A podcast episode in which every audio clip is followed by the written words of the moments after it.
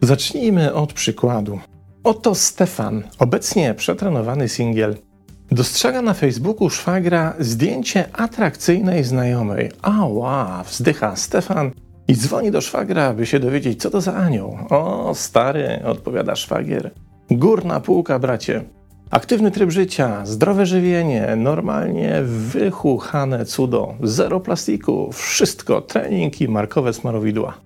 Ała, ponownie wzdycha Stefan i postanawia spróbować swych sił. Przywdziela kolorowe rajty, pakuje do torby rakietę do skłosza, wodę niegazowaną, żeby było światowo i jedzie na siłownię wskazaną przez szwagra, by się przyczaić na cel swoich zalotów. I jest! Przyszła!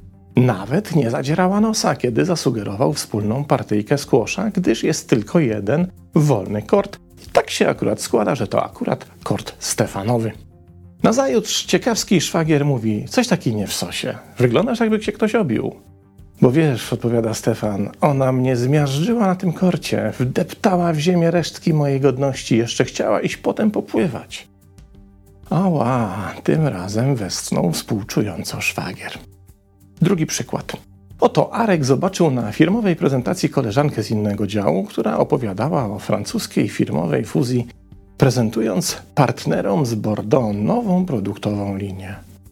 Jak ona wymawia to bonjour, to można zwariować, zachwyca się Arek i po dokonaniu wywiadu i upewnieniu się, że pani od francuskiego jest singielką, staje na głowie, żeby go przeniesiono do jej oddziału firmy.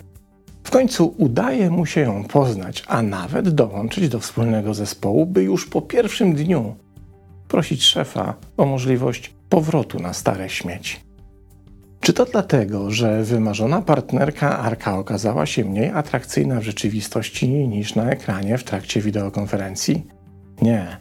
Dlatego, że było dokładnie odwrotnie. Okazało się, że zna jeszcze biegle inne języki, ma olbrzymią merytoryczną wiedzę i błyskotliwy intelekt, więc Arek w jej towarzystwie poczuł się po prostu gorzej. Ciekawy fenomen, prawda? Wydaje się, że atrakcyjność potencjalnej partnerki jest największa wówczas, kiedy znajduje się ona w odpowiednio dużej odległości. Czyżby jednak, kiedy ta odległość zaczyna się zmniejszać, sama atrakcyjność zaczynała znikać? To, co było na horyzoncie, nęciło swoją cudownością, kiedy jednak horyzont zmienia się w krzesło obok. Jednocześnie z tą zmianą znika cała cudowność. To klasyczny i dość charakterystyczny element damsko-męskich interakcji, zwany czasem straszącą panią prezes, w którym kobieta o wyższym statusie od mężczyzny staje się dla niego bardzo atrakcyjna i pociągająca, ale tylko i wyłącznie do momentu, do którego nie jest zmuszony się z jej wyższym statusem osobiście skonfrontować. I co najciekawsze, termin wyższy status nie dotyczy tutaj tylko i wyłącznie stanu posiadania czy pozycji społecznej. Jest reprezentowany w każdym obszarze atrakcyjności fizycznej, rozumianej nie tylko jako ocenę piękna, ale również kondycji, sylwetki czy poziomu wytrenowania. Jest też obecny w kontekście wiedzy i umiejętności, wszędzie tam, gdzie zasoby są oceniane wyżej od tych, którymi dysponuje oceniający. I w końcu jest również obecny w kontekstach sprawności intelektualnej. We wszystkich tych obszarach wyższa pozycja zajmowana przez kobietę czyni ją bardziej atrakcyjną dla mężczyzny, który dokonuje porównania tak reprezentowanego statusu pomiędzy podmiotem oceny a samym sobą pod warunkiem jednak, że oceniany i porównywany w ten sposób podmiot znajduje się w dużej odległości. Ta niezwykła męska przypadłość stała się przedmiotem badań, których wynikom warto się przyjrzeć, bo mogą nam wyjaśnić, jakie są mechanizmy tego zjawiska i gdzie tak naprawdę leży jego źródło. Badania te przeprowadzili w 2015 roku naukowcy z trzech amerykańskich uniwersytetów i składało się ono z kilku elementów.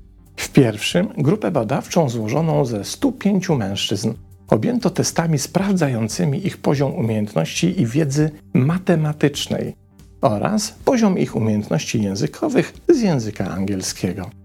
Następnie, po ujawnieniu wyników testów, dzięki czemu dany badany znał ocenę swojego poziomu zarówno w obszarze wiedzy matematycznej, jak i językowej, badani byli proszeni o ocenę umiejętności społecznych oraz potencjalnej atrakcyjności pozostałych członków badanej grupy na podstawie dostępnych wyników testów pozostałych uczestników badań. Tutaj użyto również zmanipulowanych testów o zawyżonych wynikach, których autorkami miały być kobiety. Okazało się, że te fikcyjne autorki testów o zawyżonych wynikach zostały wskazane przez badanych jako bardziej atrakcyjne od pozostałych.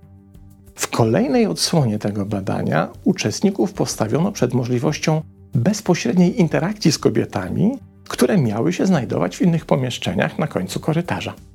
Chodziło o wskazanie przez uczestników, z którą z kobiet chcieliby porozmawiać, gdyby istniała taka możliwość w sąsiednim pokoju.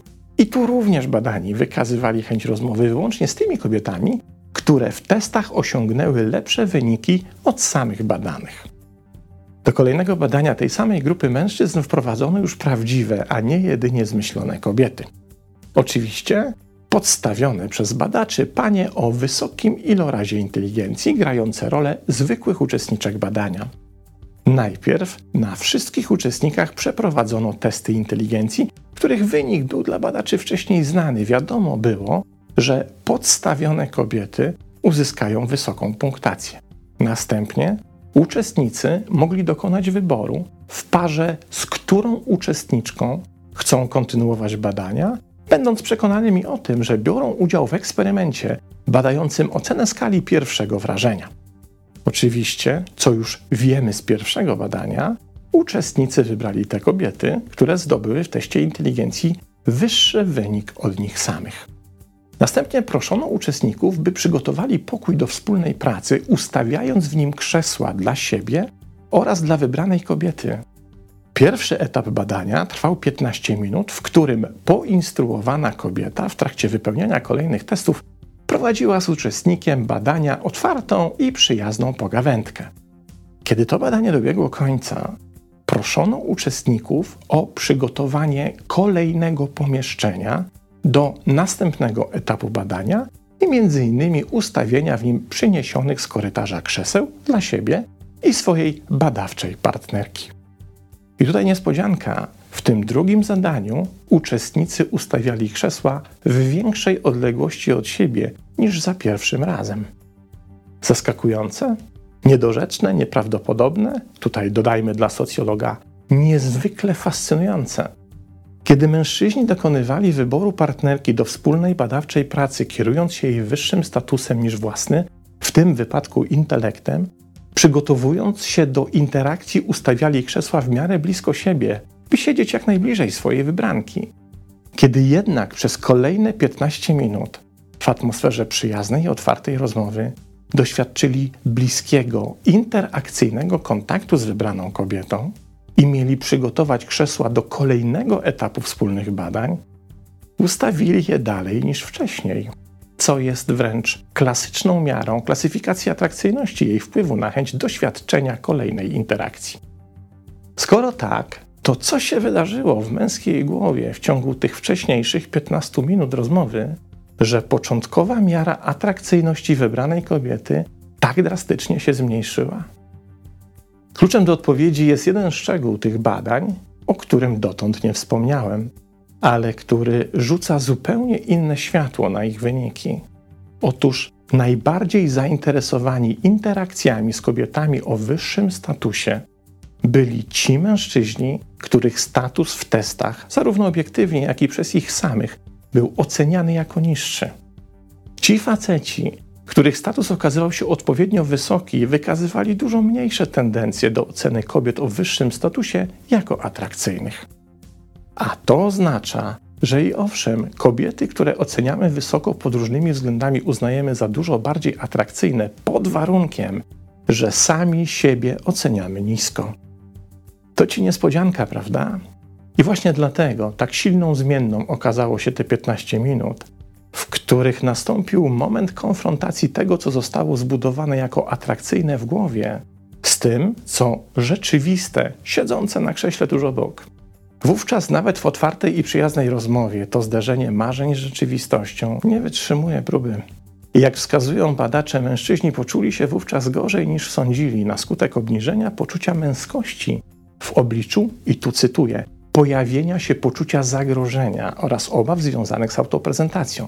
To z kolei wpłynęło na zmniejszenie poczucia właśnie męskości, i tutaj znowu zacytuję badaczy, które odpowiadało za zmniejszony pociąg mężczyzn do kobiet, które przewyższały ich w kontekście interakcji na żywo. Myślę, że wyniki tych badań nie tylko studzą atmosferę hipergamicznych oskarżeń mężczyzn wobec kobiet, bo okazuje się, że obydwie płcie posługują się tym samym mechanizmem, niezależnie od tego, czy chcą się do tego przyznać, czy też nie. Ale co więcej, wyniki tych badań pokazują niezwykle istotną zależność, w której widzimy, jak wielką rolę w naszych zachowaniach pełni nasza własna samoocena. Im jest niższa, z tym większym zapałem chcemy sięgać gwiazd. Nie tylko tych na niebie, ale także tych, nad których zdjęciem w internetach słychać Stefanowe wzdychanie ała. Im zaś wyższa, tym mniej pociągające stoją się gwiazdy i tym mniej skłonni jesteśmy, i dotyczy to w równej mierze obu płci, popełniać ten jakże podstawowy błąd w naszych społecznych interakcjach, polegający na tak częstym myleniu pragnień z potrzebą. Pozdrawiam.